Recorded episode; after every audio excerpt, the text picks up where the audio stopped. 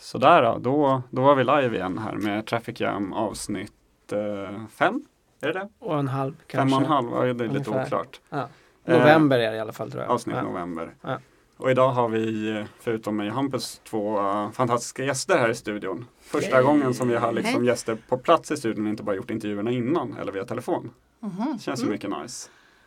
Vad härligt. Ja, Ja, det Eh, känns väldigt först. kul att vara här. Ja, bra. verkligen. Välkomna eh, Lisa och Vanda. Ni kanske kan en kort presentation av er själva? Eh, ja, Vanda heter jag. Jag eh, är arkitekt. och, eh, eller arkitekt. Och eh, jobbar med bostadspolitik och ett specifikt projekt nu på en organisation som heter Jag vill ha bostad.nu. Och eh, jag är även aktiv inom eh, Kvinnors byggforum, en organisation. Men eh, ja, jag är väl här i egenskap av mig själv. Ja. Som Vanda. Ja, jag heter Lisa Durell och ehm, jag är också arkitekt i grund och botten och jag driver eh, egen verksamhet genom Paradis Arkitekter. Det är vi ganska nystartade. Och det är väl lite därför jag är inbjuden här idag för att vi håller på med en stadsbyggnadsvision som vi kallar för Mellanstaden. Och sen är jag också aktiv i Kvinnors byggforum och är för tillfället eh, ordförande där. Och det är ju lite så vi, vi känner varandra för vi har ju samarbetat Exakt. med Planka och Kvinnors byggforum i, Ja. i vintras. Vi höll ju en workshop på Färgfabriken Mm. eh, kring trafikmaktordningen. Det var ju superlyckat och en kul helg verkligen. Mm, så- Och vi, det ingick ju i den här utställningen eh, Stockholm on the move. precis. Mm. Ja, och vi tänkte ju då som sagt te temat på något sätt idag blir väl liksom eh, förtätning. Hur kan man göra det rätt? Hur kan man göra det på ett eh, socialt hållbart sätt också och inte behöva slå sönder massa kanske värdefulla sociala band som, som ofta, ofta blir fallet när saker förtätas. Och båda ni två har ju lite egna projekt som ni ska presentera om ett tag som är väldigt intressanta på just det här temat. Vi tänkte väl att vi bara skulle börja med ett kort nyhetssvep. Eh, och vi, vi kör först då det här som utspelet från de borgerliga partiledarna som kom i morse på DN Debatt. Ja precis, det var eh, varit stort hela dagen eh, i tidningarna och eh, radio och tv kring eh, det här utspelet kring tunnelbanan. Eh, det är väl egentligen inte så här några stora överraskningar utan det här är ju en process som har pågått så att för de som varit inne i den processen så är det nog eh, ja, man har kommit fram till precis det man tänkte komma fram till i princip. Eh, och det är väl eh, ja, ganska kända grejer. Nacka tunnelbanan är det stora. Eh, Och att en linje 19 på gröna linjen idag ska ju bli en blå linje. Sen är det Barkarby och eh, dessutom så är det Hagastaden. Eh, det är väl de stora grejerna. Mm. Nio stationer. Det är inte jättemycket. Men det är ju nästan 10 pro- Ja, det är ju 9 procent. Vi har 100 stationer idag. Det skulle bli 109 med det här. Eh, och den stora grejen egentligen är väl att man kopplar det här till att man vill bygga väldigt mycket bostäder. Ja precis, det, var, det sägs då att det är de, de kommunerna som var inblandade här som var Stockholm, Solna, Nacka Eh, Järfälla måste det vara. Mm. som eh, då på något sätt utlovar att som en del i den här förlängningen av tunnelbanan då så ska det även tillkomma 78 000, 78 000 bostäder. Ja. Men det var ju väldigt luddigt än så länge liksom. Alltså Ja. det finns ju ingen Nej men det finns ju inga Det var ett avtal. löfte men det finns ju ingenting som är bindande. Det, alltså det finns ju ingen finan- det, det blir svårt att spekulera, det är väldigt mycket. Alltså, jag får ju lite känslan med tajmingen och så att det är ganska mycket att försöka neutralisera den här frågan inför det kommande valåret. Eftersom att det annars är en fråga som alltid kommer upp i, i, i, som liksom argument från oppositionen oavsett vem som är i opposition är ju att de som sitter i majoritet inte bygger tillräckligt mycket. Det har vi ju Mm. varit en av de största frågorna i, i valen i Stockholm så länge jag har varit i så pass stor så att jag förstår vad valen handlar om i varje fall. Mm. Och jag tror att det är mycket handlar om det, att det blir liksom ett sätt att kunna peka på den här siffran då. Det är nog bland det viktigaste med det. Alltså har man inte pratat om att bygga tunnelbanan ut i Nacka typ sedan 80-talet? Ja alltså den blåa linjen Kungsträdgårdens station är ju liksom byggd för att man ska bygga vidare så det var ju, blev en paus här på drygt Mm. 30 år. Så att det, de kan ju verkligen på tiden. Ja, Eh, verkligen. Så att det kanske tar 30 år till sen innan spaden kommer i backen. Det vet Mm. man ju inte. För vi har inte sett något avtal och vi har inte sett några pengar. Så att hur mycket det här är värt det återstår väl att analysera och se. Men Ja. Det är, ju, det är ju bra i varje fall men det, det kommer ju andra lite, alltså det är ju bra att man vill bygga tunnelbana och sådär generellt Mm. sett. Men det kommer ju andra lite tråkigare nyheter i, i helgen också. Ja, precis. När man tittar på helheten nu för Trafikverkets eh, planer fram till eh, mitten på 2000-talet. Det är den här stora, stora långtidsplanen med, med ja, 500 miljarder handlar det om. Och där ser man ju att eh, eh, Eh, klimatmålen nås inte alls utan man räknar ju med att bygga vidare på bilsamhället och en 30% ökning av biltrafiken. Samtidigt som Trafikverket själva räknade ut i sitt klimatscenario att eh, det behövs en minskning med minst 20 procent eh, av trafiken för att nå klimatmålen och då räknar man ju ändå med att bilarna ska bli väldigt mycket effektivare. och Så här. Dessutom måste eh, den minskningen vara ännu större i storstäderna för det är där eh, liksom det finns möjlighet att ställa om också. Så att eh, samtidigt så har man ju med nu Förbifart Stockholm fortfarande som ju kommer kosta ungefär dubbelt så mycket som hela den här tunnelbanesatsningen. Så att eh, det leder ju inte direkt åt rätt håll. Kan man säga. Vad tror ni, kan det vara det här som stjälper hela Förbifart Stockholm? Finns det en chans? Alltså man, jag, jag, känner, jag har väl lite sådär personligen åtminstone någon idé om att det är ganska många både inom de borgerliga partierna och sossarna som är rätt sugna på att hitta någon slags väg att spela sig ut ur Ja. det hela. Men Okej. att det är väldigt mycket politisk prestige och det är väldigt svårt att erkänna att man har haft fel. Mm. Och det tror jag nog att det åtminstone slits där mellan partierna. Även om det inte finns några som vågar säga nej rakt ut så finns det nog Mm. många som är ganska sugna på att det inte funkade. Sådär. Ja, och ekonomi är ju alltid bra att skylla på och när det kommer de här Ja. eh, Ja, det är helt orimligt att man inte lever upp till sina eg- egna satta miljömål.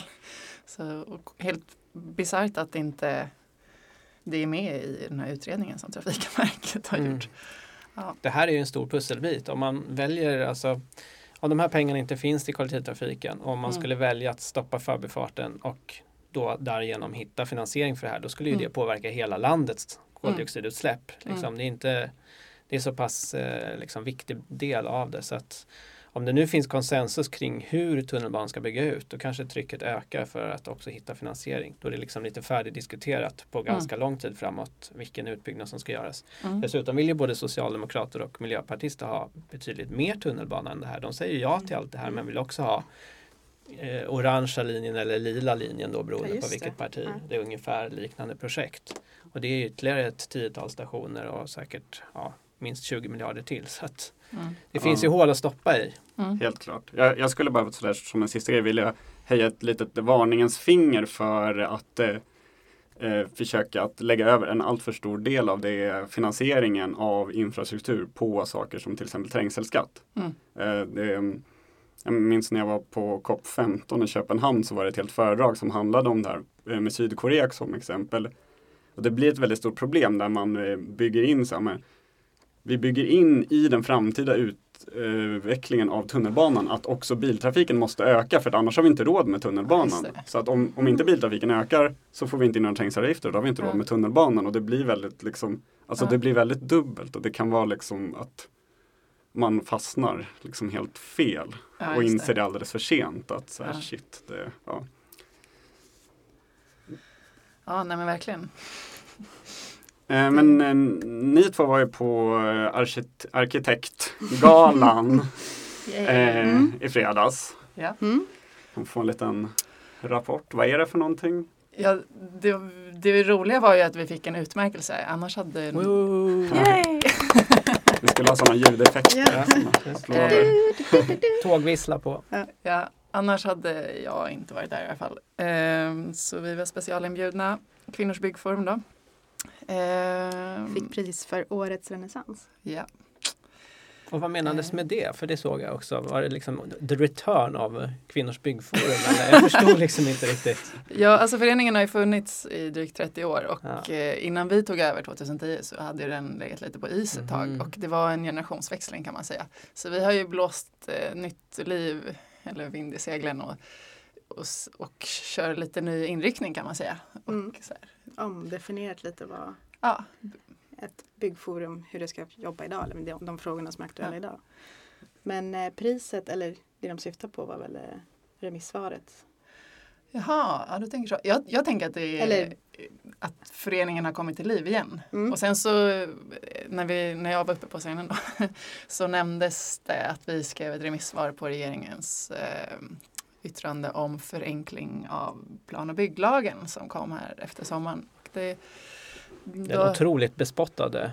Jag Ja. tror aldrig, jag tror alltså Attefall som bostadsminister har ju Ja. nu gjort sig känd genom den här, ja, den här utredningen. har du läst Nej, remissvaren? jag, jag ser Nej. ju bara att det verkar inte vara någon som tycker det är bra. Ja. Nej men vi toksågade ju också i det förslaget och vi anser ju att eh, regeringen och Attefall går ju byggbolagens ärenden rakt av och, och det är inte riktigt en värdig eh, bostads eller byggpolitik. Utan man, man missar alldeles för mycket. Utredningen är dessutom dåligt i- Mm. liksom, genomarbetad och svår att förstå. Och man lade, ja, det var mycket man kunde säga. Men är det inte lite kul att man då ändå kan få liksom, att det nämns som en del av utmärkelsen eller som något positivt? Jag Ja, tänker ja. att en sån gala måste ju ändå också ha väldigt tunga branschintressen ja, på ja. plats. Ja, Attefall var ju där. Tyvärr inte och lyssnade på Ah, det Lisa tog emot priset. Annars. gick han, men han var ju där och eh, höll ett tal. Ja, lite. han var med i en debatt och sa väl Mm. inte så jättemycket kan man säga. Ja, det han sa som var värt att, och det var ju att han eh, i alla fall dissade norra Djurgårdsstaden lite grann och sa att det kanske inte hade blivit som man hade tänkt sig, att det blev ganska höga eh, priser Ja. på hyresrätterna där. Ja, det de- debatterades ju att regeringen ville ta bort särkraven eller kommunernas möjlighet att ställa särkrav. Och Jag vet inte om vi kommer att prata mer om det här sen. Men det, eh, det är ju bland annat det vi menar att det är byggbolagens intressen han går in och, och för fram. Eh, medans, alltså det, ja, det behövs ju innovation inom byggandet och varför ska man inte ställa högre krav på energianvändning? Så här, varför, ska man, varför sänker man kraven? Det är helt fel väg att gå. Ja, jag tänker att Så. de är själva ganska bra på att föra fram sina intressen. Alltså, man kanske inte behöver hjälp. Det kanske är bra att det finns en part som för fram någon annan så kanske man kan hitta någon bra mellanläge där då. Ja, ja det är precis. Men Mm. eh, det som var eh, arkitekturgalan då, eller arkitekturdagen som det hette förut, det är liksom en dag om året eller en eftermiddag kväll. Där man har olika typer av föreläsningar, man får dela ut pris och till eh, stora priser som Kasper Sahlin-priset och Mm. Siena-priset och så. Eh, sen så bjuder man in spännande föreläsare från hela världen. Bland annat då så var eh, Enrique Peñalosa. Peñalosa där från Bogotá eh, och pratade väldigt mycket om hur han som borgarmästare eh, har ändrat mycket av eh, eh, trafik och kollektivtrafiken. Bland annat just ja, hur man prioriterar gång, gång och cykeltrafikanter före bilen. Alltså dels hur man, vad man väljer att bygga i staden och sen har man ju tagit eh, liksom befintliga leder, alltså motor eh, eller vägfiler heter det Mm. så, från eh, motorvägen som man bara har, som man har byggt det här systemet som BRT, BRT, vad heter just det? det. Buss, Med- med- stora buss. Ja just det, det heter något speciellt Bus. där i Bogotá. Bus Mille- Rapid Trans Ja, Transmillennium precis. eller något Ja, sånt just det. Just det, Transmillennium. Transmillennium Ja. det där. Men principen är ju att bussarna ska gå i princip som spårtrafik. Mm. Och, så. Ehm, och det var ju det var ju väldigt inspirerande. Ja, han är ju fantastisk. Han är en bra Ja. retoriker och han är påläst och kunnig. Det var lite som en, det var härligt att liksom, arkitektkåren var där, eliten, och fick sig en bra föreläsning. I, och han pratar ju mycket om det demokratiska stadsrummet eh, och om barn som så här indicator species. Mm. Alltså ett, en bra stad, där kan barnen vara utomhus Mm. och ta plats på gatorna i det publika rummet. Vilket man ju inte kan idag med, eftersom bilarna äger stad, stadsrummet nästan kan man säga. Så han, han, I Husby kanske man kan det. Ja men eller hur, trafikseparering. Ska inte det- gå in på den. Då får I alla trafiksepareringen. Känslig fråga. Ja. Alltså. Ja. Nej men det, det var kul.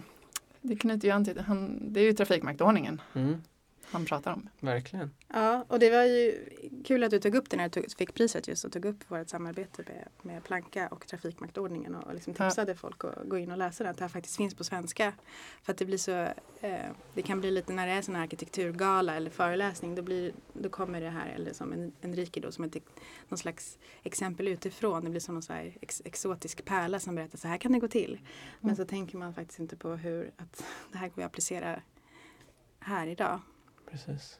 Jag undrar om det liksom är Alltså, jag har ju en halvbra koll på Bogotá så jag undrar om det är att han är väldigt karismatisk som person eller att det, ver- att det verkligen är ett speciellt case i Bogotá. Jag tror det Mm. handlar lite om vad en borgmästare kan göra också. Eh, Mm. Jag tror inte att Sten Nordin skulle kunna, alltså har Mm. inte de maktbefogenheterna än som man ville att Nej, göra det som han gjorde. nej men verkligen. Ja, men jag tänker, för det, fin- alltså, det finns ju många andra städer som Mm. har byggt sådana BRT-system. I, I Brasilien finns ju ett gäng städer som Mm.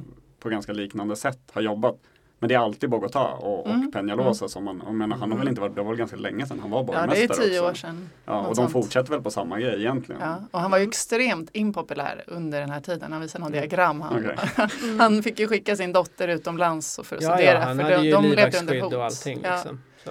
så det var ju krig mot eh, bilisterna. Ja. Och det, Men det var ju också, var det inte också så att han jobbade med korruptionsfrågor och sen skolade Ja. han ju om poliser så att de Ja. skulle bli trafikpoliser och det här Ja. med att de fick eh, typ ha clowndräkt på sig och allt möjligt där. Ja. Nej, men det var ju så här. Han väldigt- tog ju på något sätt, som han sa själv, alltså han frågade inte om lov utan han Nej. tog ju tillbaka mark Ja. så, så, som eh, staden hade sålt tidigare. Så att Ja. bland annat då visade han en Ja. bild på ja, en just det. golfbanan. Alltså, ja, precis. de hade liksom bara tagit tillbaka den och gjort om det till en eh, park. Mm. Ja. Vi Så- får tipsa eh, Nackas politiker att de ska ta tillbaks någon Ja. golfbana eller något sånt där. Då blir det gott om plats. Ja, Ja. Men gött, vi, vi, vi kör en, en låtpaus och sen så börjar vi med Lisa, du får prata mer om ditt projekt Mellanstaden efter Mhm. det. Du kan ju få Mhm. välja en låt då som eh, du hade ju några på gånger som jag lagt fram. Vilken vill Ja, vilken vill vi kan väl börja med Håkan Hellström då. Han sjunger ju om Stockholm Ja, det är bra. Yeah. och tändstickor.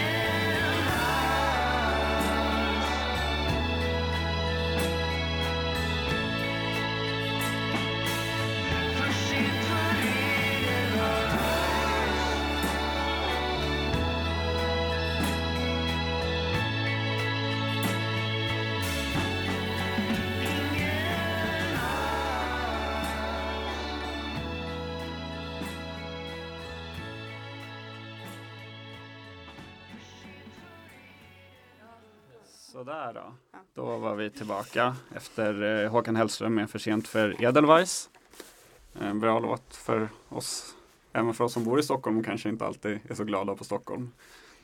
Ja. Eller är det bara för att du gillar Håkan Hellström? Ja, det är svårt att veta förstås. Alltså jag är uppvuxen i Stockholm, har bott eh, kanske åtta år i Malmö och har en väldigt kluven eh, känsla för Stockholm. Men just nu trivs jag bra här. Men det, det är dubbelt ibland. Stockholm eh, ja, har, saknar väl väldigt mycket. Jag kan bara inst instämma. Eh, Mm. Ja, jag med. Utan att bli alltför personlig. Så. Ja. Exakt. Mm. Det, ja. Eh, Eh, ja, Ja, eh, ja, jag kan ju berätta då om den här, det här projektet som jag och min kollega Frida är igång med. Ehm, och det är ett stats, en stadsbyggnadsidé som eh, ursprungligen upprinnelsen var en artikel som jag skrev i slutet av sommaren som nu är publicerad hos archelix.se. Där kan ni surfa in och läsa. Eh, och jag har intresserat mig för villabebyggelser faktiskt sen vi gjorde den här workshopen. Och, eh, alltså sen, någonstans från trafikmaktordningen så kom den här kritiken, har liksom växt. Eh, för jag förstod hur bilismen och villabebyggelsen är så tätt sammanlänkat eh, ur ett stadsbyggnadsperspektiv.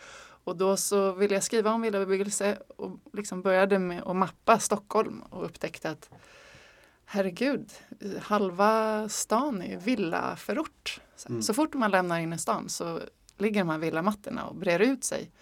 Eh, tydligen så är då Stuvsta, nu ska jag tänka, Stureby, jag vet inte om jag säger rätt där, men det är så här norra Europas största villamatta och det är i centrala Stockholm som är en miljonstad. Eh, så det förvånade mig.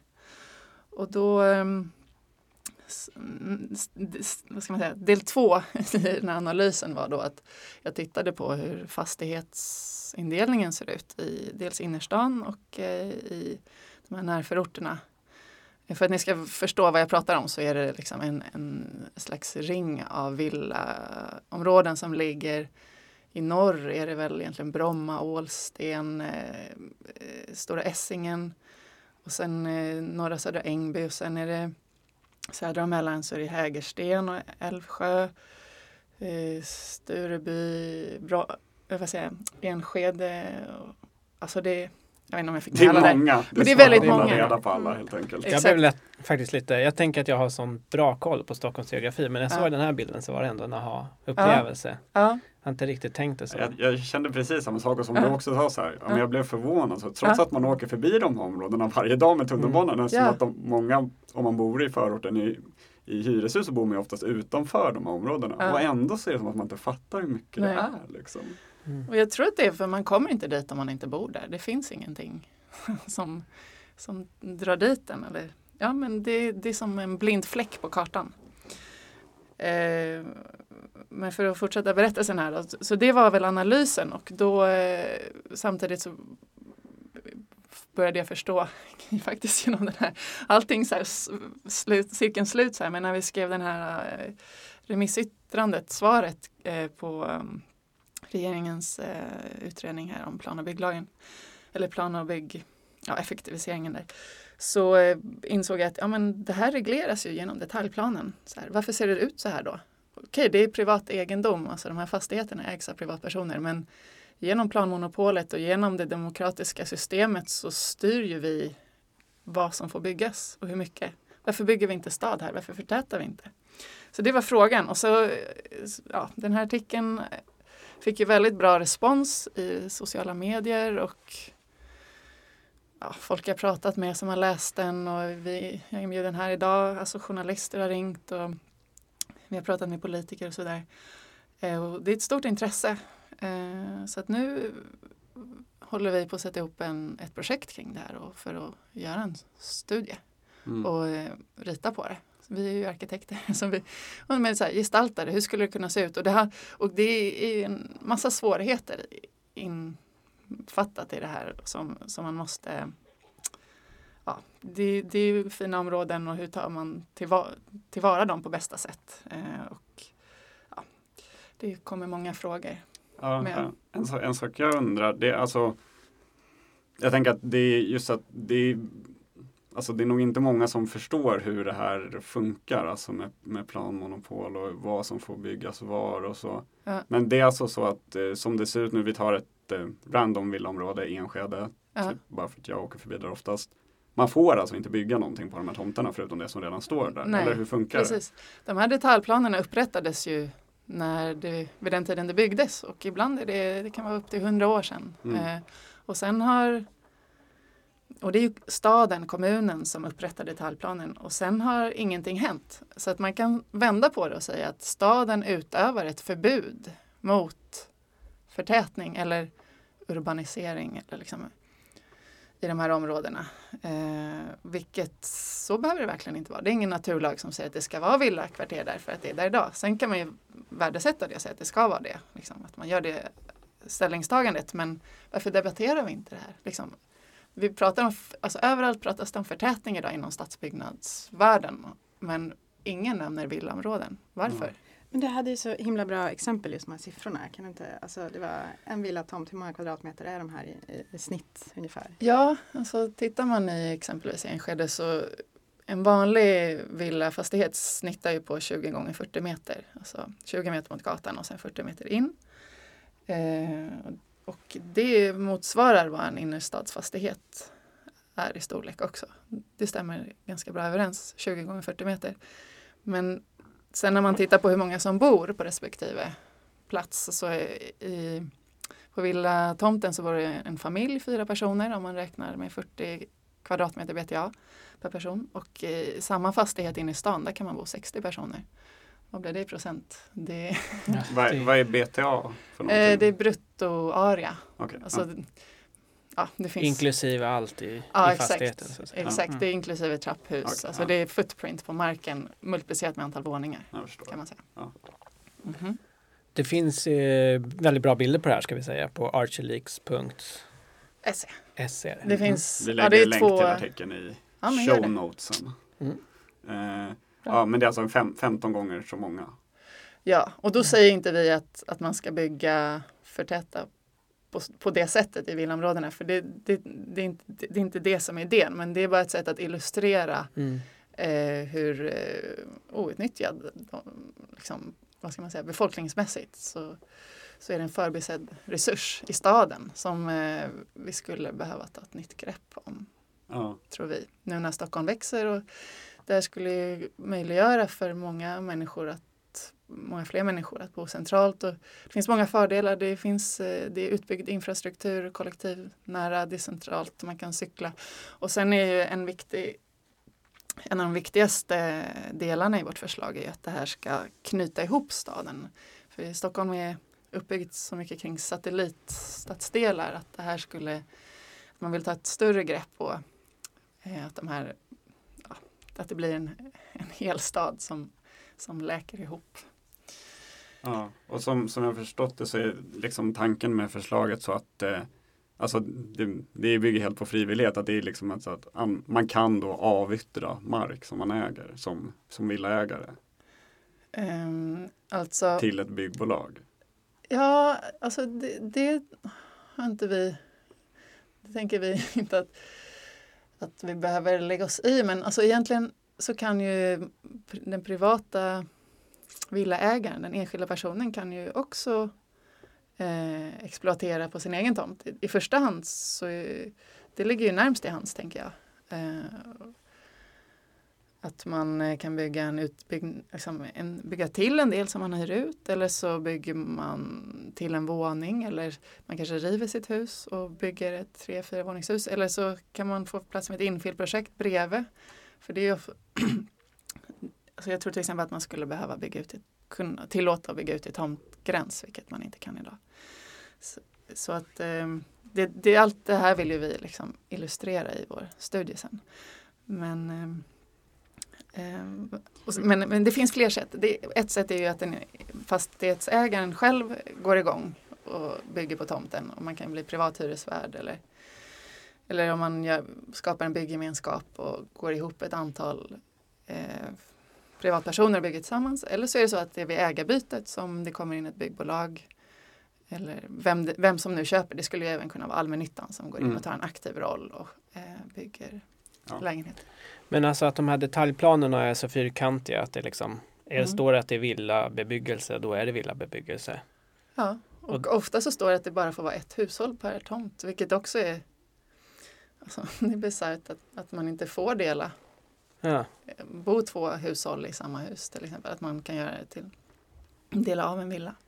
Det är väl till och med så styrt att det står var på tomten husen ska stå och hur många Ja, ja. kvadratmeter det får vara och sådär. Så det är väldigt Man styr användning och ja, storlek och höjd. Och, Otroligt intressant det där med att Ja. eh, just att det ska vara en, alltså en familj också. ja, ja. Det påminner mig, jag, jag läste en bok nyligen som, eh, som heter Stad i rörelse av en sociolog som heter Håkan Törn från Göteborgs universitet och han skriver väldigt mycket om eh, de olika bostadssociala utredningarna som, som gjordes på 30-talet. Mm. Eh, där man starkt vände sig mot hur folk bodde i, i Mhm. dåvarande innerstaden och att det var de försökte, de gick liksom på något sätt in då, det var ju bland annat Gunnar Myrdal är väl den kända personen som var med i det här. Då gick man ju in i det här med att man tyckte att det var ett problem att folk bodde för trångt och, och liksom osanitärt och att folk inte trivdes. Och sen så visade det sig ganska tydligt när man gjorde undersökningar att folk trivdes ganska bra. Mm. Och, och då sipprar det liksom fram där mellan raderna i deras argumentation att det handlar väldigt mycket om att man inte gillar sättet folk bor på. Mhm. Att det bor, det är för stora familjer. Vet, det är mm. barn och vuxna delar rum och Mm. det är fler familjer i varje lägenhet. Och, Mm. och då blev, sågs det liksom som ett så, här, så att säga hygieniskt problem. Att liksom folk inte följde de normerna som man ville att, att, att människor skulle följa och bo i den typen av familjer. Ja, ja, men det är otroligt intressant och, och så är det ju fortfarande idag. Det vi pratade om, ja, det känns väl väldigt aktuellt och bekant, Ja. tänker jag.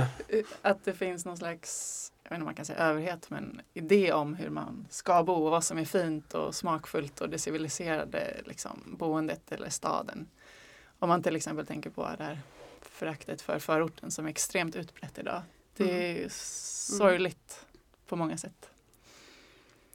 Det har vi pratat många kilometer om. Ja, verkligen. Ja, då, Ja. Men, men, jag tänker liksom hur, eh, vad, vad tror ni, vad kommer det sig för att man inte pratar, alltså att det kom som en chock både för dig själv och för alla andra som läste din artikel nästan på något Ja. sätt. ja, nej men visst. Va- varför, liksom, varför dyker inte det här upp oftare? Varför är, det- känns det så konstigt att någon helt plötsligt börjar prata om villaområdena? Liksom? Ja, alltså det, dels så tror jag inte att många känner till att det går att påverka. Man känner inte till att, att de här områdena finns. Hur, och eh, man tänker att, att det är inte staden som äger marken. I vanlig, vanlig ordning så är det ju staden som markanvisar. Så att det här är ett, ett nytt... I Stockholms stad ska vi säga. Ja, ja. Som ju äger Ja. ovanligt mycket mark. Mm. Jo, precis. Nej, men det här är ju ett helt nytt sätt att stadsplanera skulle man säga, som är omvänt. Där som bygger på den enskilda pri privatpersonens initiativ. Så, så ser det ju inte ut. Så att det går inte, ja. Och sen så eh, tror jag att, alltså, det är väldigt, det har hänt, liksom, det finns många exempel på där staden försöker gå in och förtäta i villaområden och det blir tvärstopp för att grannarna överklagar och det utbryter kalabalik och halva advokatsamfundet kopplas in. Och det är så extremt starka grupper som bor i de här områdena. Kapitalstarka och liksom sitter på olika, ja, man har möjligheter att, att eh, gå in och try- tryck, utöva påtryckning på politikerna. Så att må, ofta så handlar det om att politikerna backar. Mm. Mm. Eh, så att det här är, det är väldigt känsligt. Eh, en Men- känslig fråga för de, de som bor där är rädda att deras egen fastighet ska tappa i värde.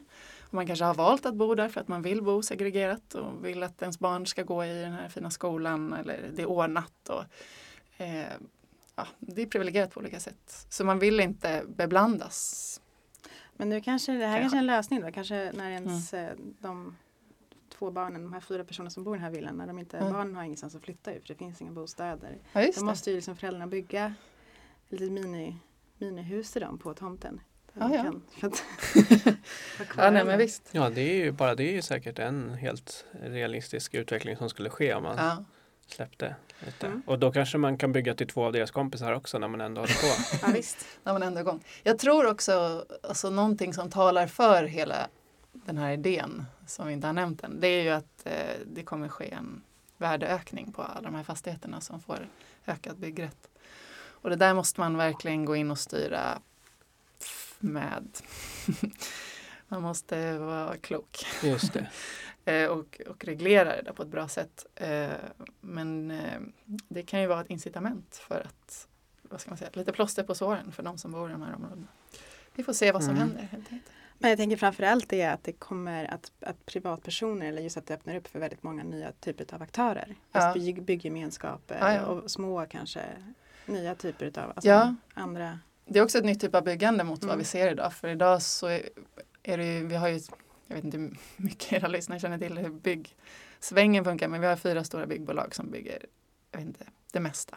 Och de bygger hela kvarter, ett i taget, eh, liksom 80 gånger 50 meter. Och, ehm, det är svårt att konkurrera på byggmarknaden så att de lite mindre byggbolagen, eh, det finns inte så mycket marknad att, för dem att, att ta del av. Så att det, är också, en- det här skulle också kunna innebära en, en ny att, en förskjutning på byggmarknaden och släppa in fler aktörer, lite mindre. Mm. Mm. Så, och, och lite, ut- alltså det, det ska inte vara samma typ av industriella byggande, tror jag. Eh, Det känns ju som att det är ju verkligen en, en också en Kanske oavsiktlig, kanske inte, det vet jag inte, förstås inte. Men det är en väldigt Mm. kul konsekvens av det hela. Att liksom, det kanske kan få bli lite som det blir också. Ja, ja. Eh. För där är väl någonting som som alla tycker att det är ett problem. Att eh, liksom, den liksom, nyurbanismen kritiserar modernismen för att allting var så himla likriktat. Men det gäller ju fortfarande. Jag menar, när saker byggs Mm. så byggs de ju på ett Precis som man gjorde under miljonprogrammet. Det är ju Ja, ja. exakt lika likriktat, Ja. bara det är på ett annat sätt likriktat nu. Men ja. det vore ju verkligen kul att få liksom just få möjlighet till lite knäppa experiment. ja. Lite annat än latte, lattefunkisen. Mm, Ja. Precis. Jag menar, miljon, vad ska man säga, ismerna kan ju byta av varandra men vi lever ju fortfarande i ett industrialiserat byggande. Ja. Så att man, sen kan man klä in det på olika sätt idag. Men det är ju verkligen som du säger, det är ju massproduktion av likadana kvarter. Mm. Eh, Det skulle man ju önska att det kunde komma in lite nya krafter. Mm. Mm. Ja, kanske Kvinnors byggforum kan bygga ett första. Ja, och jag vill ha bostad. Ja, visst, ett första. Har ni någon tidsplan på ert projekt redan nu eller? Alltså vi är ju i en förfas Ja. till vår förstudie. Ja, så att vi håller fortfarande på att sätta ihop en eh, grupp Ja. eller en arbetsgrupp, projektgrupp. Så, så eh, vi söker finansiärer. Mycket bra. Bland annat. Om det är någon men, så här, mencenat som är lyssnar som kan tänka sig att ja. Jag tror vi har många sådana som lyssnar på det här programmet. oh, ja, ja, det är bra. Utmärkt. så kan ni höra av er till Lisa. Precis. Det var inte mening, meningen att jag skulle smyga in den. Men Just det. ja, det Ja. löser sig. Det kom, kanske om ett halvår. Det, det kommer bli en stor release på det här. Vi kommer köra en utställning. Det kommer bli Ja. debatt och seminarier. Och alla Vi kommer höra om det definitivt följa det Det här känns projektet som att vi får följa upp det helt Ja, klart framöver. Ja. Ja, men grymt. Jag, jag slår på en låt och så fortsätter vi med nästa projekt sen och sen eh, snackar vi om allting tillsammans. Eh, jag tar eh, Trädgården en fredag då, med Veronica Maggio.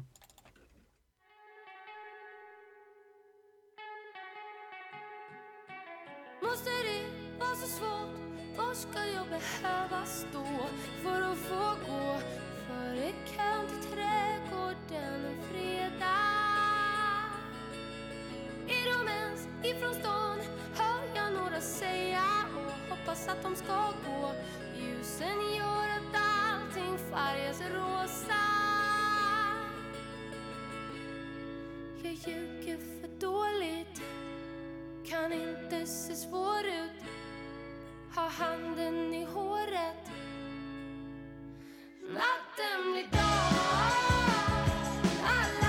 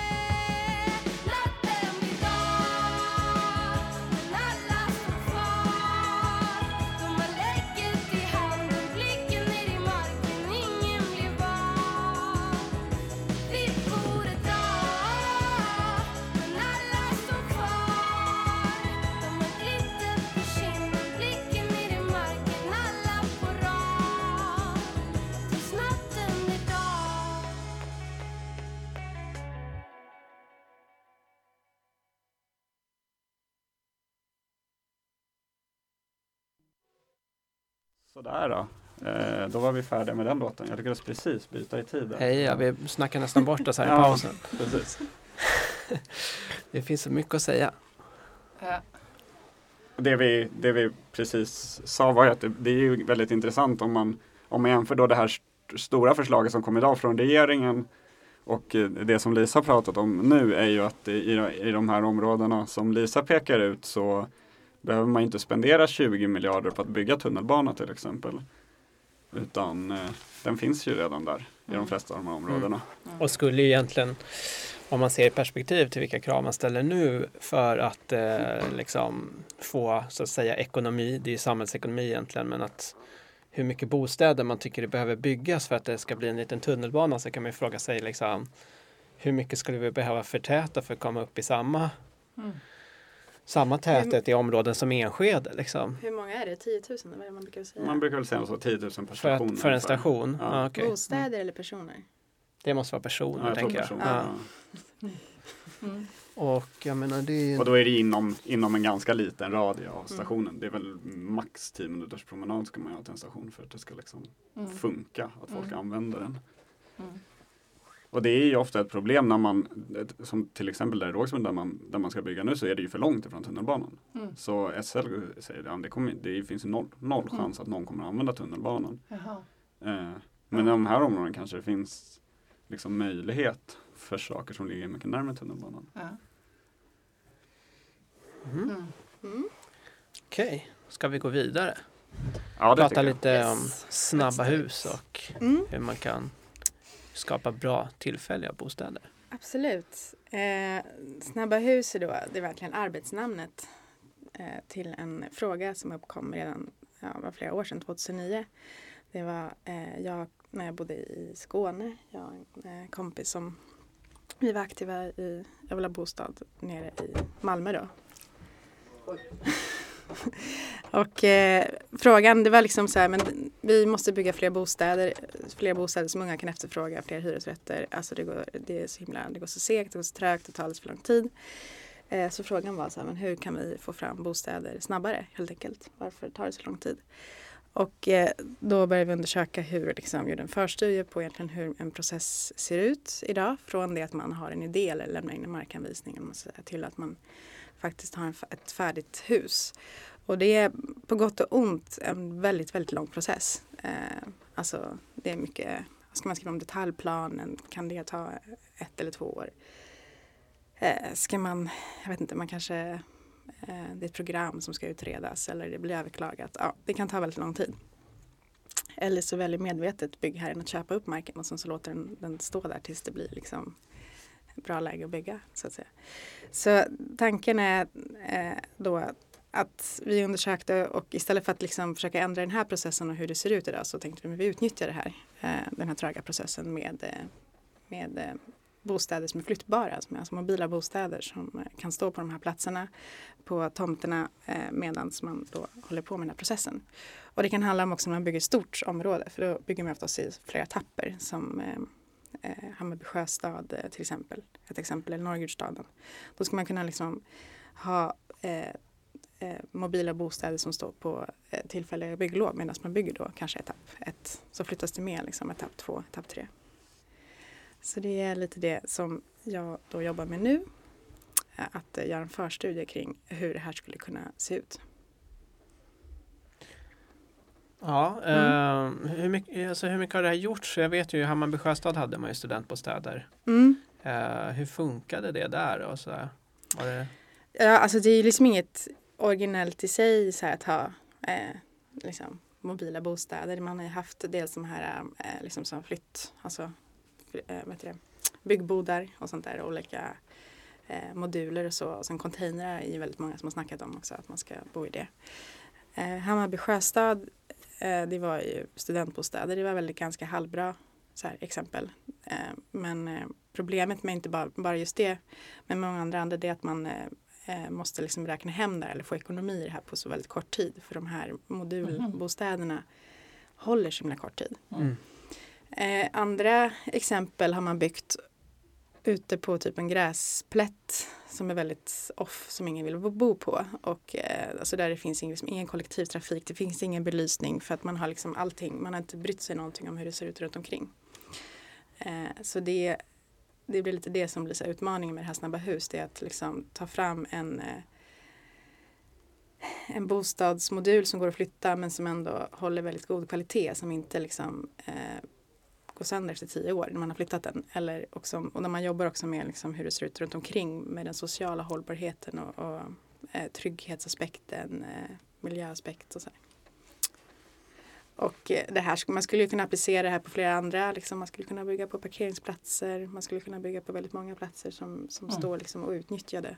Så att Mm. säga, idag. Lite så här halv oanvänd parkmark som Mm. det kallas i detaljplanen. Men, ja.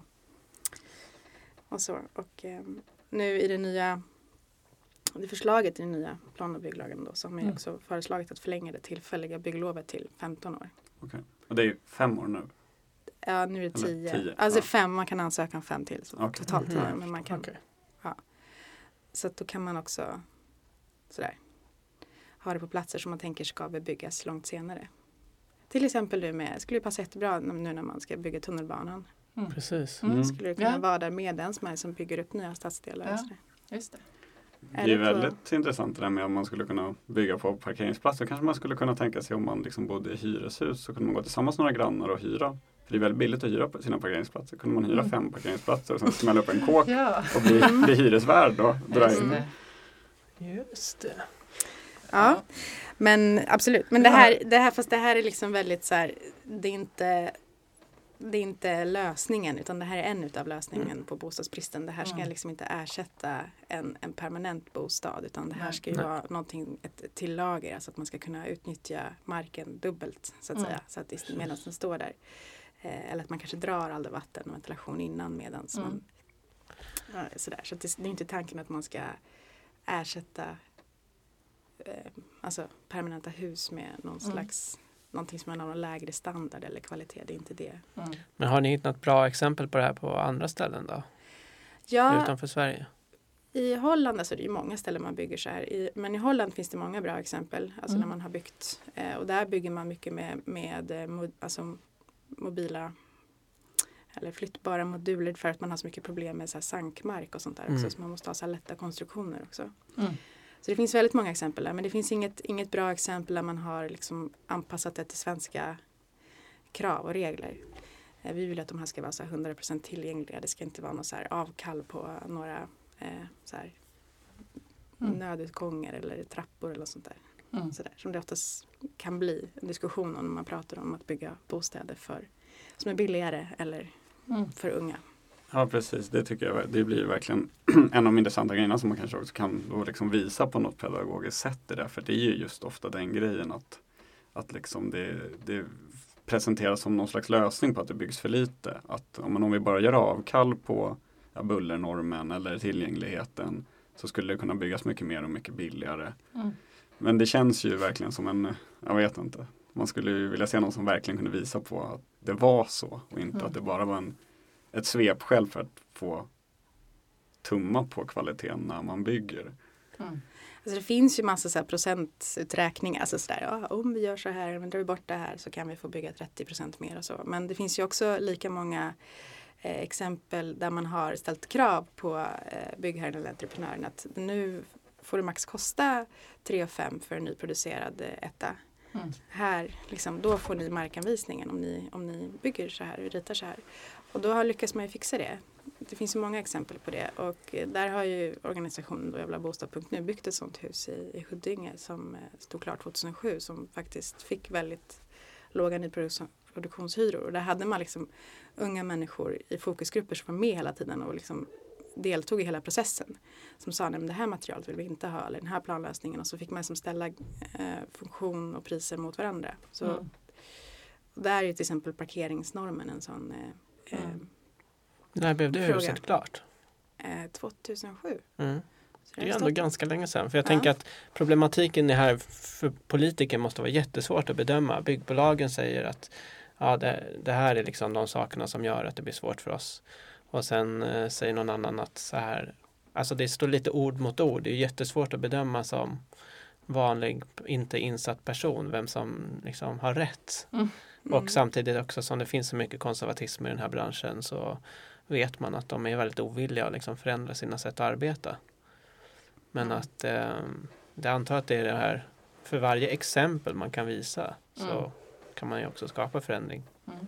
Mm. Har det gjorts en gång måste det gå att göra igen. Mm. Ja, absolut. Alltså det, det, det finns ju många exempel också så här lyckade stadsplaneringsprojekt. Men sen så Mm. nästa gång.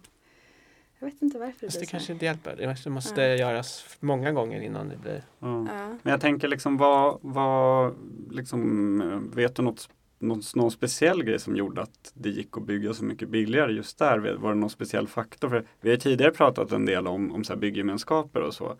Det nämnde du också Lisa. Och då när vi hade Håkan Forsell som har väldigt bra koll på Berlin, där, så att det var Mm. rätt vanligt. Och de har ju fått ner priserna med ungefär 30 procent jämfört med andra nybyggen. Men då beror det mycket på att de har tagit bort massa mellanhänder. Mm. Och det antar jag inte riktigt var fallet i det här. Nej, alltså, och där har man ju haft en, man har inte heller något, ett byggbolag som vill ha en vinst Nej, på de här 20-30 procenten eller 40 kanske. Ehm, ja, här var det framförallt, man hade, man hade en annan eh, avkastningskrav och sen så fördelar man det mellan eh, sex stycken punkthus som man byggde. Så att ett av de här husen var avsatt för just eh, bostäder för unga. Det var inte en kategoribostad som ungdomsbostad men man var Mm. tvungen att vara under eh, Mm. 27 tror jag för att Mm. få flytta in.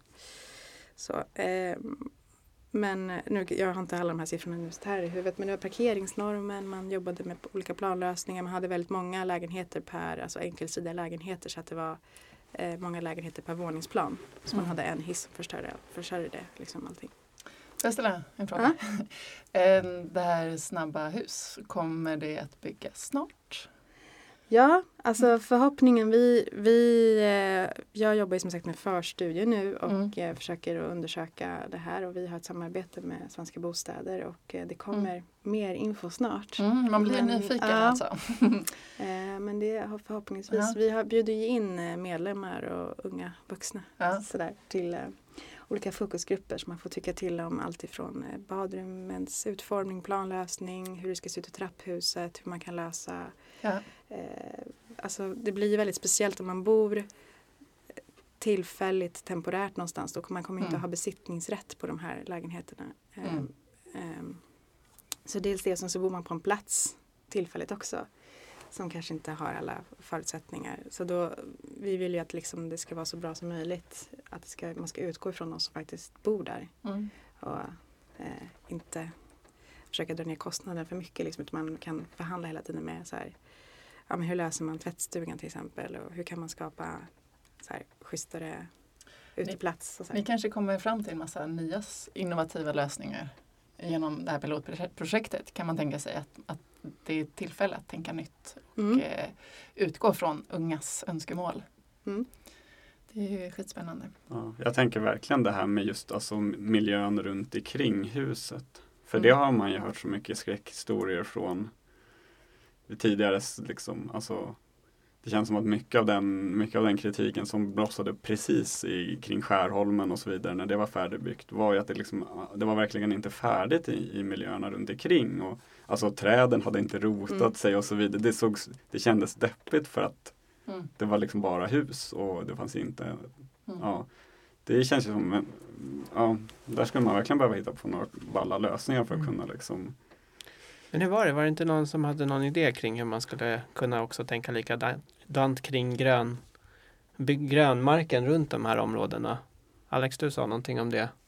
Alltså man skulle vilja ha någon slags mobila trädgårdar Ja, eller precis. Ja någonting. men absolut, alltså det, det kan eh, för min del, jag får se vad fokusgrupperna säger under samarbetet men jag tror inte det behöver vara liksom så här eh, gröna gräsmattor. Man kan ju liksom leka lite med att det är faktiskt någonting tillfälligt. Att det kan vara lite mer Kalle Ankas julhuset som liksom den här husvagnen som åker upp och ner. Det kanske kan vara plastgräs och rosa flamingos som följer med Mm. den här eh, lilla byn som åker runt. Liksom. Det behöver kanske inte vara eller träd i och enar i kruk, liksom rullbara krukor som man snurrar runt. Så. Så att- Nu är det ju så himla populärt, alltså med hela den här äh, stadsodlingsgrejen så Mm. är det ju ganska mobila. Alltså jag tänker att det finns många som har blivit ganska duktiga på att odla temporärt kring Mm. till exempel de här som kör på spåret och alltså en sån trädgård skulle kunna flytta in väldigt snabbt i pallkragar och så. Mm, Skapa rätt så Mm. mycket. Jag, jag vet jag bott i, bodde i ett studentområde så nybyggt och det var jättebra lägenheter, jättebra kvalitet men att eftersom inte utemiljön var i stort sett fanns när det var utslängt på en ny plats det här området så drar ju ner helhetsintrycket så otroligt mycket trots att det är väldigt bra kvalitet på Mm. byggandet så att jag tror det kan göra mycket. Mm. Alltså det är ju någonting just eh, som eh, vi eller som på den organisation jag jobbar på, jobblabostad.nu, jobbar mycket med och andra organisationer också. Det är ju såklart att sådär, försöka få, det är ju förmedla hur illa det faktiskt ser ut. Alltså inte det som du syftade på men alltså hur det ser ut för unga människor och eh, eh fattiga och studenter och andra utsatta liksom, på bostadsmarknaden. Att man Eh, oftast finns väldigt mycket föreställningar kring vilka det är. Alltså att det är de andra på något sätt. Det är inte, det är inte vi, det är inte våra barn. Eller det är också någon slags generationsskifte eh, skifte där mellan man, ja, man hör så här. Ja men så där bodde jag också på 70-talet. Eh, på en soffa. Jo men jag tror att det är jätteviktigt för att jag tror att så här, skillnaden på om det är svårt eller jättesvårt att få lägenhet kan vara ganska svår att greppa. Mm. Alltså man kanske har en egen erfarenhet av att ja det var lite svårt. Eh, jag fick bo lite i andra hand och så här. Men alltså hur stort är problemet? Eller så här, hur svårt är det? Jag tror att Ja. det, det är det man måste liksom illustrera och till exempel det som jag tror inte många vet är ju att trångboddheten faktiskt ökar väldigt mycket. Mm.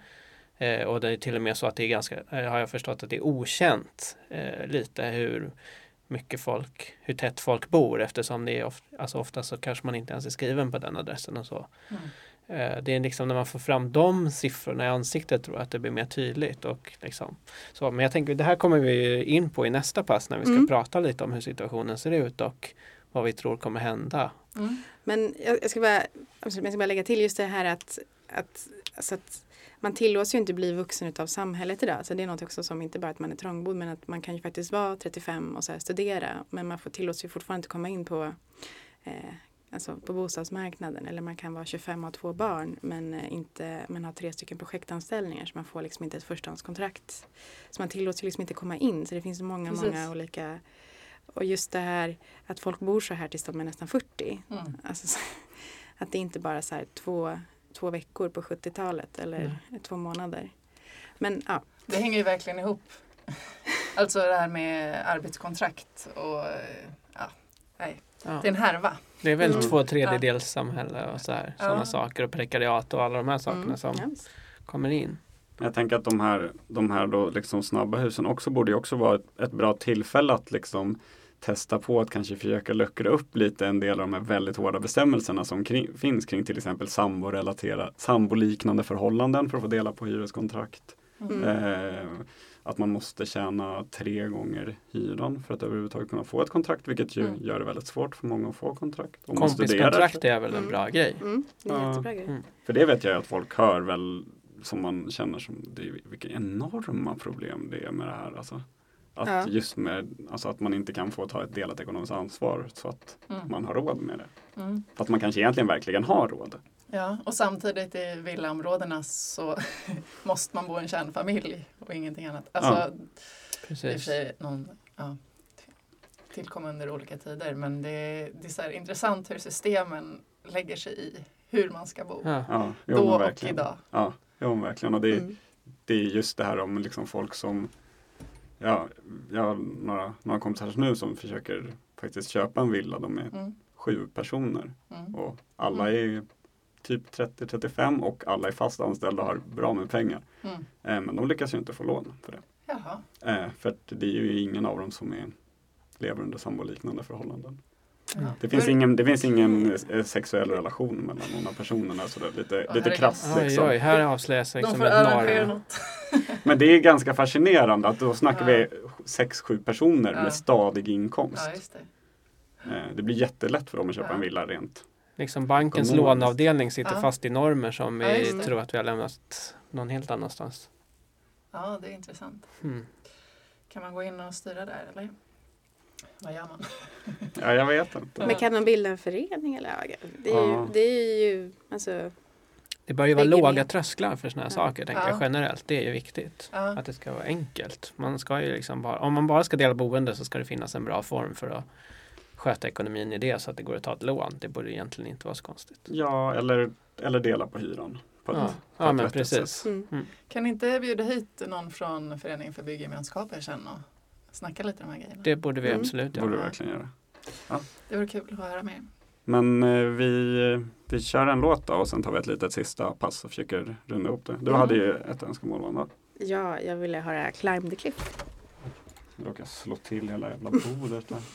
Men eh, det ska vi göra. Mm. Eh, På tal om arbetssamhälle och jobba. Och...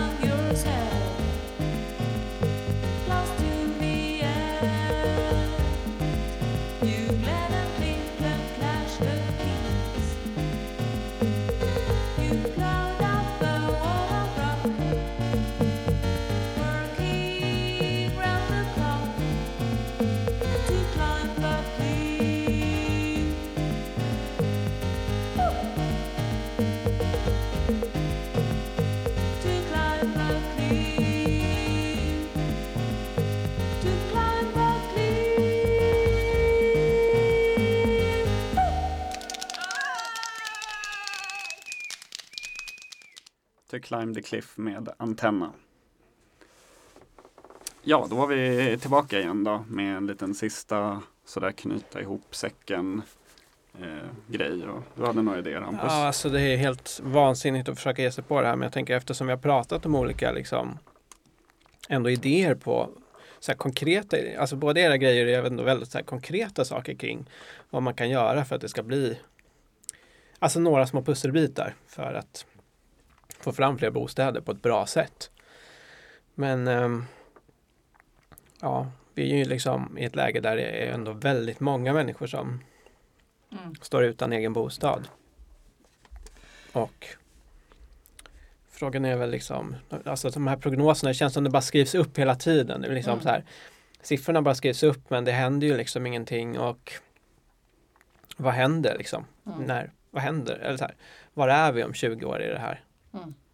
Jag har inte mycket aning om det själv. Och vad måste till kanske också för att det, Mm. för att det ska hända något på riktigt så att säga. Men det Ja. kanske. Det kanske är så att vi, det som vi skämtade om här innan, att man kommer få bo kvar eller vi då, våra barn kommer få bo kvar hemma tills de är liksom 40-45. Man kommer liksom ändra helt, eh, liksom, man kommer ha en helt annat system. Man bor kvar med sina föräldrar, man kommer ha lite mer. Det blir storfamiljen. Ja, Precis. precis. Generationsboende. Ja. Det är ju egentligen ganska intressant för att det Alltså sättet vi bor på nu Det känns ju som sådär väldigt så det är så man bor men Ja. det är ju verkligen en, en extremt kort parentes Ja. i, Ja. I, i liksom Alltså vad pratar vi? Vi pratar Mm. 50 år, 60 Mm. år ungefär. Hur länge har man bott på det här sättet? Inte mer än så liksom. Nej, precis. Egentligen, alltså våra, våra mor och farföräldrar. Mm. Men jag, jag, jag ser också sådana kontraster. För dels så har vi en extrem bostadsbrist eh, och, och där man tränger ihop sig eh, på små ytor och liksom flyttar runt. Och, och den andra sidan, det här har ni säkert pratat om, så är den här lyxösa boende, boendet är ju det man ser liksom, i tidningar. Teppanyaki-hällen. Teppanyaki-hällen. All right, säkert. Ja, jag hänger- jag inte med. Ja, nej okej, det var ju den här DNs eh, liksom. Ja, men- Deras beskrivning av någon sån här en penthouse-lägenhet som var ju så bisarr den Ja. beskrivningen att ändå folk reagerade för att Ja. det blev liksom någon slags lägenhetsporr. Ja, ja. ja. men där är vi verkligen. Och jag, Mm. jag tycker att man kan prata om så här insiders och outsiders på bostadsmarknaden. Och de som är insiders, det är de som har den där teriyaki-hällen eller Mm. vad det kallas. Men, och att det, det är en stor business. Bostadsbristen är ju, genererar ju enorma pengar. Eh, och det måste man vara medveten om att Dels eh, så är det ju byggbolagen förstås. De eh, går ju, har ju stora vinster och sen är det ju staden, det ska man inte glömma bort. De eh, kan man ju hem jag vet inte, miljarder på att sälja mark. De tar ju vad de kan ta marknadspriser för eh, när de eh, eh, säljer till byggbolagen. Då. Eh, och det är ju politiker som styr det. Och sen har vi ju bankerna som kammar hem eh, på lånen.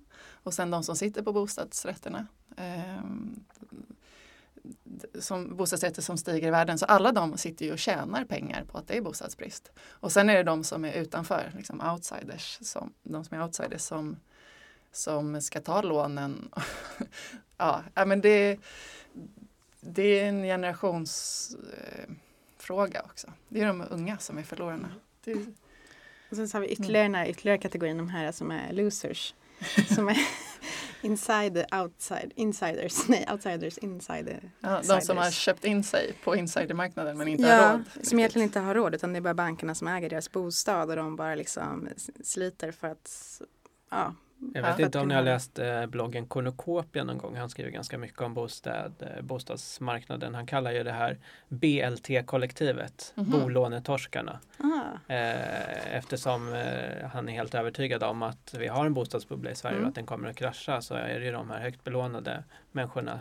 Det är ju liksom de som de sitter ju, de är egentligen inte vinnare utan de sitter ju mer i en rävsax kan man Ja, säga. ja, men verkligen.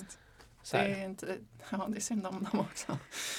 För Jag- att de har, Fast- är överbelånade. det är ju många som säger det som alltså, eh, tar ett lån för att de inte har något annat val. Mm. För att de måste Ja, ha en visst. bostad. Liksom. Det är inte, inte, orkar det är inte längre. någon så här, liksom, frivilliga direkt. Nej. Så här, jag väljer för att det här passar mig. Nej, som just en. Och sen kan man inte byta jobb. Eller så här, man kan absolut inte bli egenföretagare för man måste ju dra in de här 12 000 i månaden Ja, till ja, det blir en otrolig Mm. ofrihet när man Ja. sitter på så höga lån såklart. Eh, Jag var i Köpenhamn för några veckor sedan. Där på Västerbro ko- kostar, om vi ska prata pengar, det är tråkigt, men där ligger det på 30 000 per kvadratmeter och i Stockholm är vi uppe i 60 och det är motsvarande. Liksom, de hade en krasch för några år sedan. Ja. Det är bara intressant Ja. att Mm. sätta jämförelse. Och det är extremt exklusivt ändå ju. Västerbro, ja. Ja. det är deras innerstan. Precis. Ja, det är jättefint. Fin adress. Är, mm. Men vad ska vi göra då? Har ni några bra förslag? Ni tänker kring det här dagarna ända? Ja, alltså lite grejer som man har hört som känns vettigt är väl liksom regional planering. Ja. Alltså är väl en sak så här att det måste bli att man måste ta ett större grepp att det är, att det är ett problem med plan, att kommunerna har planmonopol. Eh, eller i alla fall i Mm. den utsträckning de har det idag. För att, när man, liksom, att man måste ta det här större greppet i alla fall på en region som Stockholm. Mm. Men sen så måste det väl till också någon form av samhälls... Alltså samhället måste väl bygga bostäder antar jag. Det är bara att eh, ja, jag, liksom, jag vill, varken vill eller kan fördjupa mig i den typ, liksom, Nej. de sakerna. Det, men av, det verkar ju väldigt svårt. Liksom. Men Ja. det är så mycket som verkar svårt idag i den liksom, samhällsmodell vi har. Allting som inte är liksom, kapitalistiskt. Det är ändå där man landar någonstans här, som inte funkar att räkna hem pengar på. Det, det går inte att göra. Ja. Men det är ju märkligt just för att alltså, om man tänker på hur, hur det ser ut med allmännyttan nu och att vi, de ändå liksom lyckas fortfarande ha, alltså relativt sett så har vi väldigt låga hyror i Sverige i, i relation, alltså vi betalar en väldigt liten del av vår inkomst i, liksom, jämfört med hur man gör i många andra länder och, och än, trots det så går ju allmännyttan extremt, extremt bra. Eh, Det är ju inte så att det råder en stor pengabrist inom allmännyttan utan det är ju ändå något slags och vissa delvis är ju det, beror ju deras överskott på att man säljer ut lägenheter men det kan ju inte förklara hela överskottet heller. Och så det är ju ändå så att det, där handlar det ju väldigt mycket om politisk vilja. Att, att det inte finns ett intresse av att allmännyttan ska bygga alltså på riktigt mycket lägenheter. Utan det Mm. blir alltid lite, ja men vi bygger några, ett gäng här och så bygger vi några där. Mm. Och så, Mm. det är ju väldigt bra förstås men det är liksom, alltså det, Men där, det- och det är ju där allmännyttan, alltså om man ska säga de, det blir ett moment 22 för samtidigt ska man få de här eh, nyproducerade, alltså det, det är ju dyrt att bygga nytt men samtidigt ska man bygga hyresrätter och köpa marken då eh, för högstbjudande. Det får ju liksom allmännyttan har inte någon förtur där utan de bjuder ju också. mm. Så det blir ju liksom, det blir väldigt eh, konstig Ja, precis. Alltså om de ska konkurrera med byggbolag så blir det ju väldigt svårt. Mm.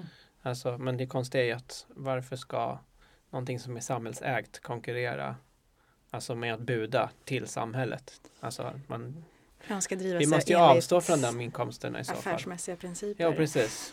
Och eh, Mm, det där mm. hänger också upp med lagstiftning så det är som sagt, det verkar väldigt svårt liksom. Mm.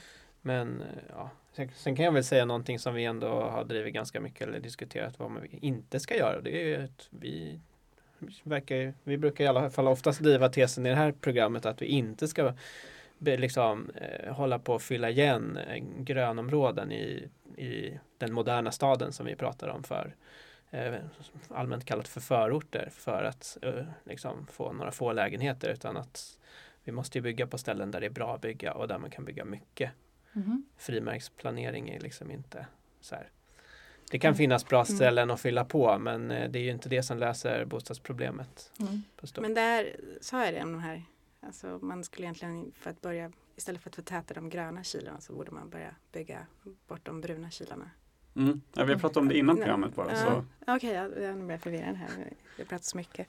Nej men att man istället liksom för att börja ta grön, grönyta, grönområde och det man pratar om det är ju liksom inte direkt inne i stan utan man pratar ju om i förorterna där eh, eh, hur man ska liksom ta eh, grönområdet. Men istället bör man titta på liksom de bruna kilarna och då tänker jag på liksom vägtrafiken och det är liksom den yta också bredvid eh, motorvägarna som gör det obebyggligt eller liksom Precis, det är inte bara och- själva den hårdgjorda biten i sig som eh, liksom ligger som en i vägen utan det blir ju mer yta runt också. Mm, väldigt mycket stor yta på grund av buller och eh, ljud och ja. Ja, precis. Och det är vi självklart 100% för. Mm. Men en, eh, en annan, eh, jag har länge tänkt så här att Bromma flygplats, nu är, vi, nu är det lite Stockholmsfixerat här då, men eh, jag trodde länge att det var någon slags så här mångmiljonskontrakt som man var tvungen att riva upp. Men det har jag fått klart för mig att det inte alls handlar om det utan det är bara att byta, det är bara politisk vilja. Att det kostar egentligen ingenting. Jag var så här nej och tänkte men det är klart att det är något så här jättekomplicerat. Det är väl en krona om året som de hyr. Ja, Mm. två var det väl? Ja, de har höjt till två nu. Ja, vi, 100% vi, vi alltså. startar en eh, crowdsourcing för det här med. Kanske Ja, du gör det. Kickstarter för att köpa Ja. Bromma flygplats. Jag bjuder tre. Mm. Precis. Ja. För där har man ju liksom visst om kollektivtrafiken skulle i de tio nya tunnelbanestationerna, vilket är jättebra, men det skulle generera 78 000 bostäder så är väl Bromma flygplats som man väl hört mellan 50 till 100 Mm. som man Mm. skulle kunna göra i många etapper. Ja, det är ju verkligen en av de mer absurda, absurda sakerna vi har Mm. i Stockholm. Mm. Ehm, jag, jag fyller gärna på med lite goda idéer här. Eh, alltså dels så t- det, det, det, ni, det du nämnde Hampus att, att du tror inte på frimärksplanering och det, det håller jag väl med på om på visst sätt då. Men nu har ju jag fört fram det här med förtätning Ja. i villaområden. Mm. Men jag tycker att det är en skillnad för på din är det också att det är så många olika aktörer. Alltså Ja. det gör på något sätt Ja, det gör, jag tycker att det gör att det blir att det känns väldigt vettigt att man faktiskt, Ja. alltså då pratar vi om för varje frimärke så är det en frimärkssamlare. ja, Inte att det ska liksom. De stora kanske inte bara ska sitta och hålla Ja. på med det lilla. Ja, nej men jag tror i alla fall att Stockholm har kapacitet för enorm förtätning och att man inte behöver gå in i grönområden. Om man gör det bra. Och att man kan se det som ett helhetsgrepp.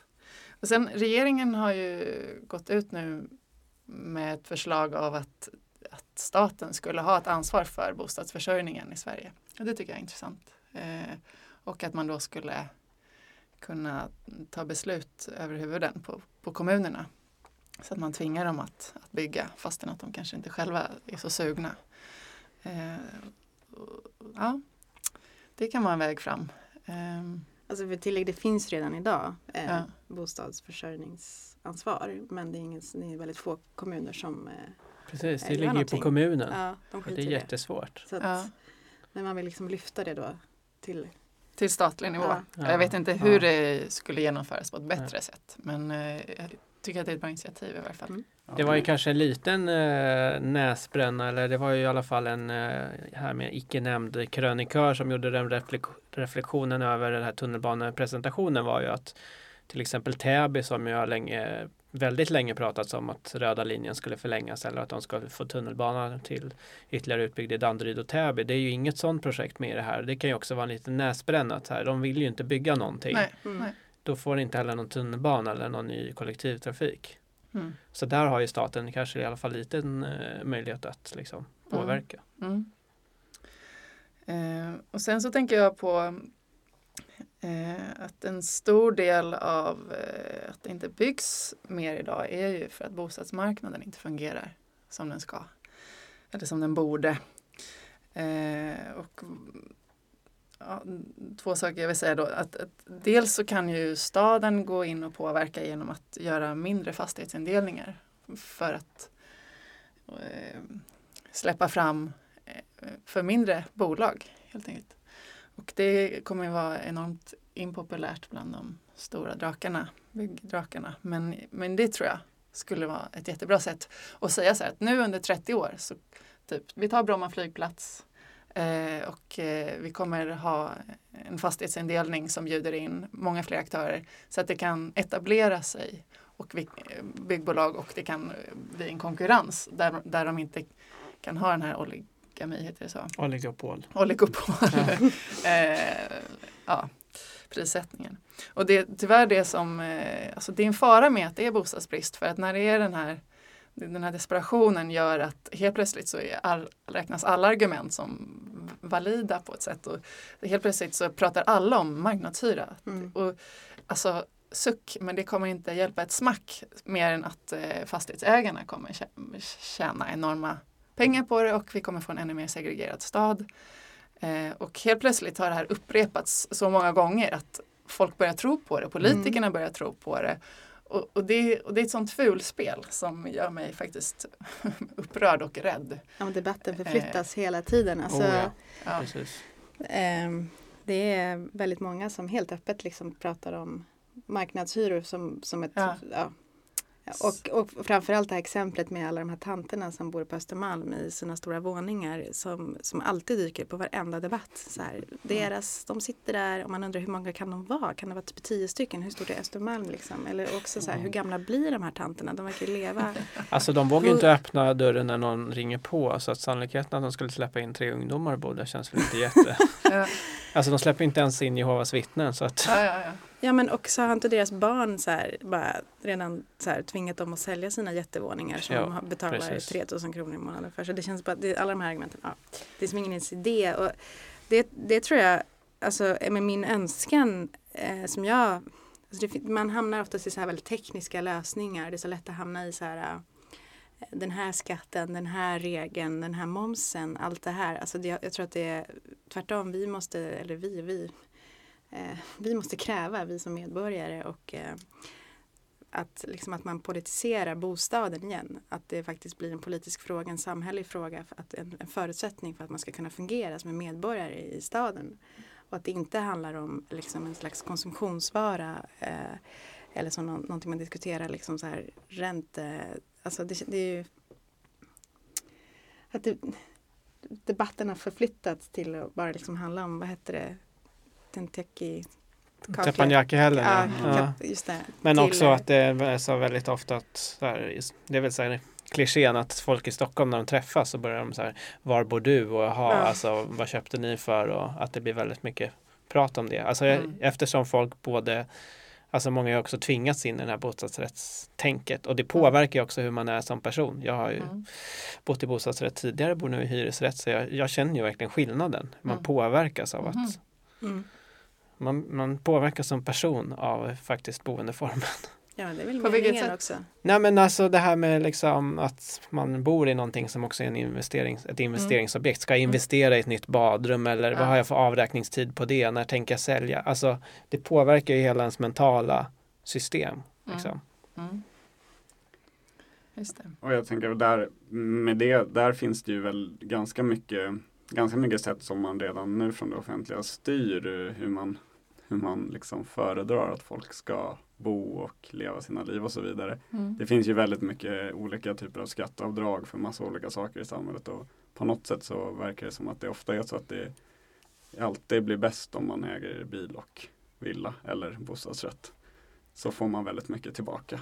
Ja, det är ju Ja, precis. subventionerat nu. Ja. Oh, ja. Medans just Och bara att kanske göra liksom lika villkor. Eh, liksom, Ja, låt precis. folk dra av på månadskortet på jobbet och låt eh, Ja. alltså, beskatta hyresrätten på samma sätt som bostadsrätten. Ja. Skulle man nog komma ganska långt på i den skeva Faktiskt. fördelningen av ja.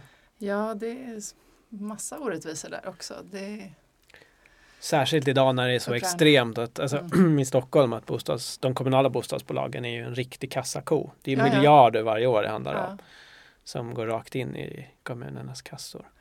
Ja men det, det, vi lever i en tid där bostaden är en stress eller det är en risk. Alltså du är otrygg om du har köpt din eh, bostadsrätt för att tänk om den eh, faller i värde, tänk om du tapp, liksom, förlorar ditt jobb, hur ska du kunna ha råd att bo kvar? Och, och den andra, bor man i hyresrätt så lever man under så här pressen av att så här, "Jaha, när kommer marknadshyran? När kommer jag, då kommer jag inte kunna bo kvar. Eh, Jag förlorar jättemycket pengar på att bo här för att eh, Snart, för att eh, pengarna jag, som jag betalar hyra går sen istället till eh, kommunen Ja. om jag bor i den allmännyttan. Och, Och för, tänk om jag hade bott i bostadsrätt, vilken värdestegring jag hade Ja. haft på den. ja precis, och fått göra ränteavdrag. Precis. Eh, så att liksom, hyrespengarna går ju rakt in i bostadsrättsinnehavarnas fickor. Eller liksom en omfördelning som är så här, ja, väldigt fördelaktig för ägande. ja. Ja, för de som redan är, har en bostad också. Så de, Ja. ju, ja. Suck, suck över den. Ehm, Ja men det, vi får vara lite deppiga för vi, vi har faktiskt varit extremt positiva idag måste jag säga. Jag tycker också det har varit väldigt konstruktivt. Ja. Eh, Jag tror Mm. nästa program måste vi ju, äh, ägna, minst, en timme åt att gnälla på olika instanser i samhället. Ja, men det har blivit betydligt, mer, betydligt mindre dekonstruktion än vad det brukar vara kan man säga. Senast vi hade gäster så var det ju eh, mer, mer teoretiker kanske. Och här har vi mer praktiker. Då. Ja, det, det även, med, även med en stor teoretisk bakgrund såklart på grund av utbildningen. Ja, men så är det ju. eh, vi, vårt jobb är ju att generera idéer. Hej, hej. Vi hejar på. Men eh, Ja. jag, jag tänkte på en, eh, jag vet inte, både för och eller bra dåligt sak. Det är ju tyvärr, man märker ju eh, att när politiker verkligen lyssnar, det är när man bara pratar om näringslivet och liksom pengar och eh, liksom när nu när näringslivet är de som börjar liksom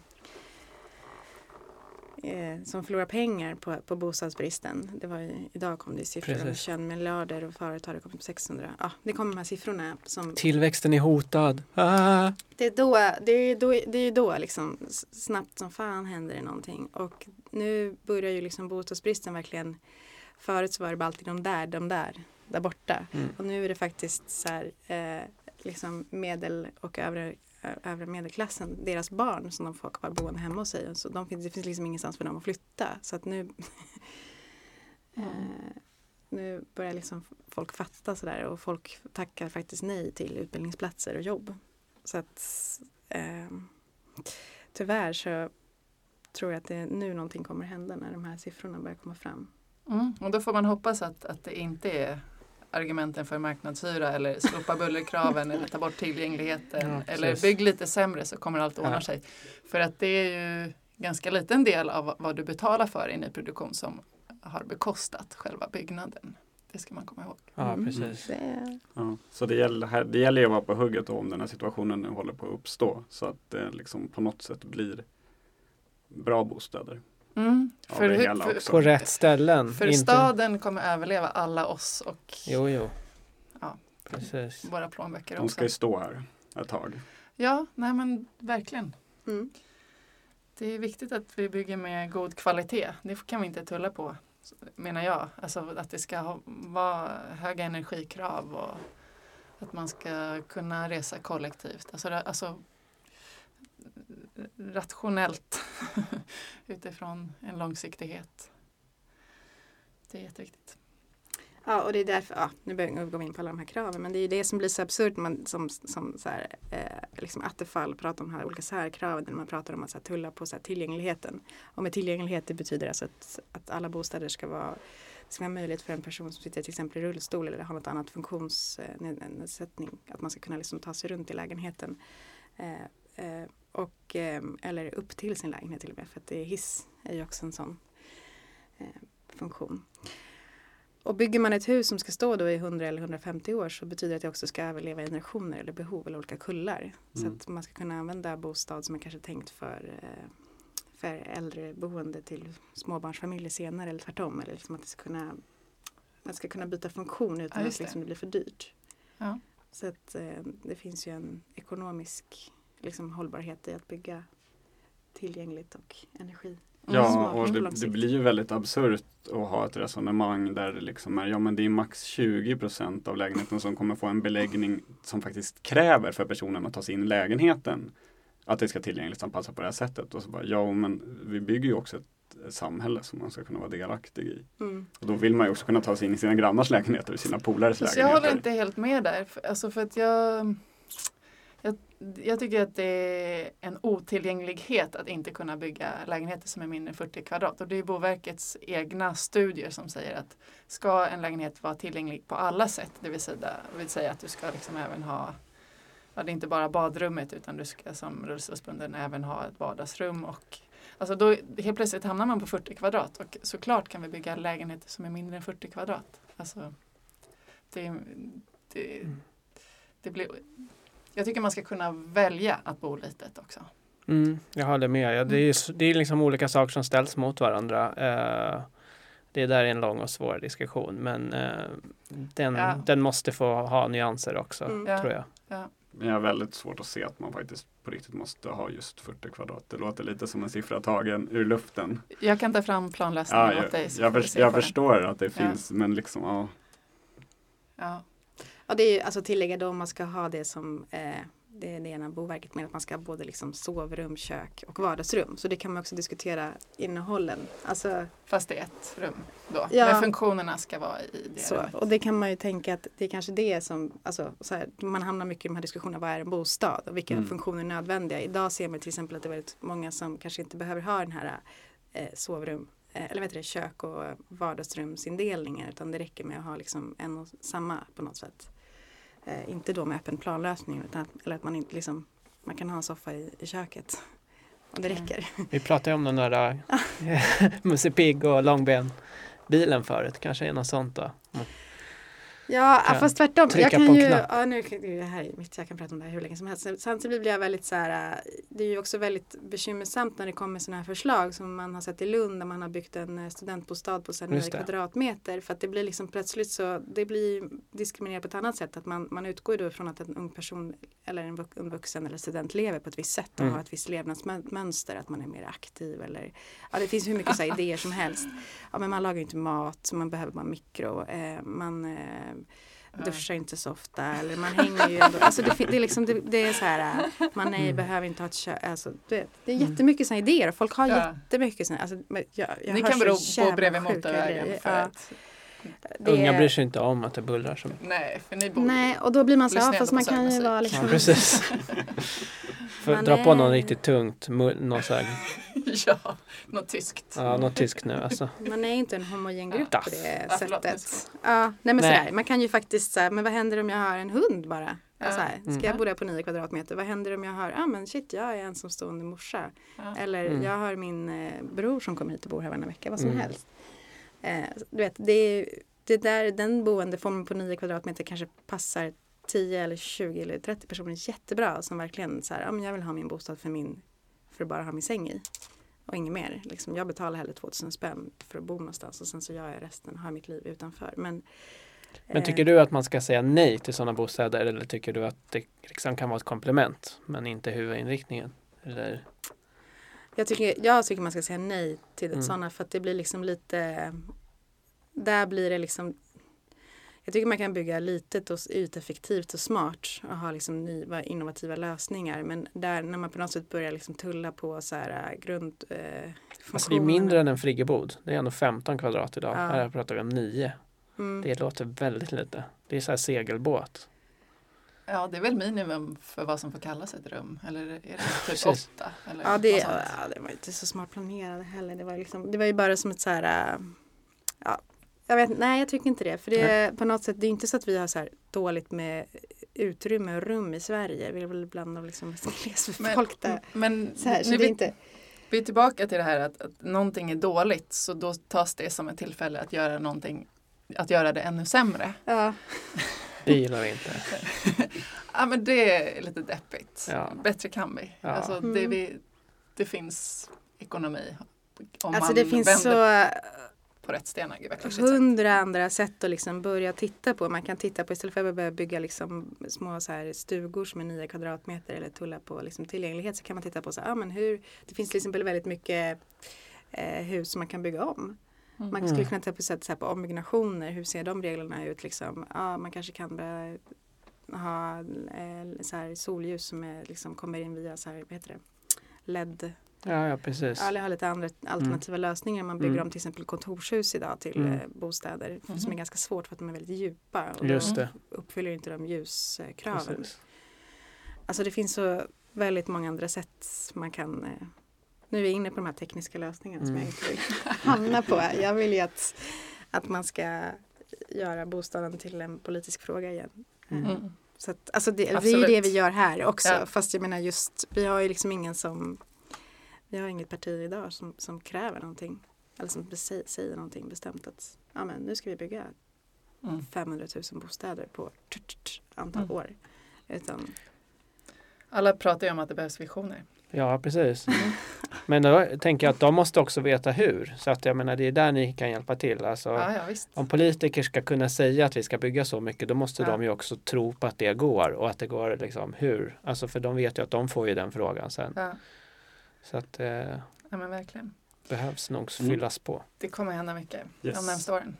Men eh, det blir väl ganska lagom att avsluta där. då. Så får vi båda projekten finns ju möjlighet att följa Precis. upp faktiskt Ja. om ett år, Ja, halvår, visst. år ungefär. Eh, känns som det var lite likartad eh, tid här på när det skulle kunna vara intressant att följa upp det mer och se hur, hur det har gått med saker och så faktiskt. Mhm. Lagom till nästa val. kanske. Ja, precis. Något sånt. Gör ett special, valspecial. Ja, Ja, men, bra idé. eh, tack så mycket för att ni var här. Ja, men tack för att ni bjöd in oss. tack. Eh, så vi spelar Major Lazer med eh, Get, Get Freedom med Major Lazer som sista låt helt enkelt. Mm, bra val. Boom. Eller var det du som valde? Ja.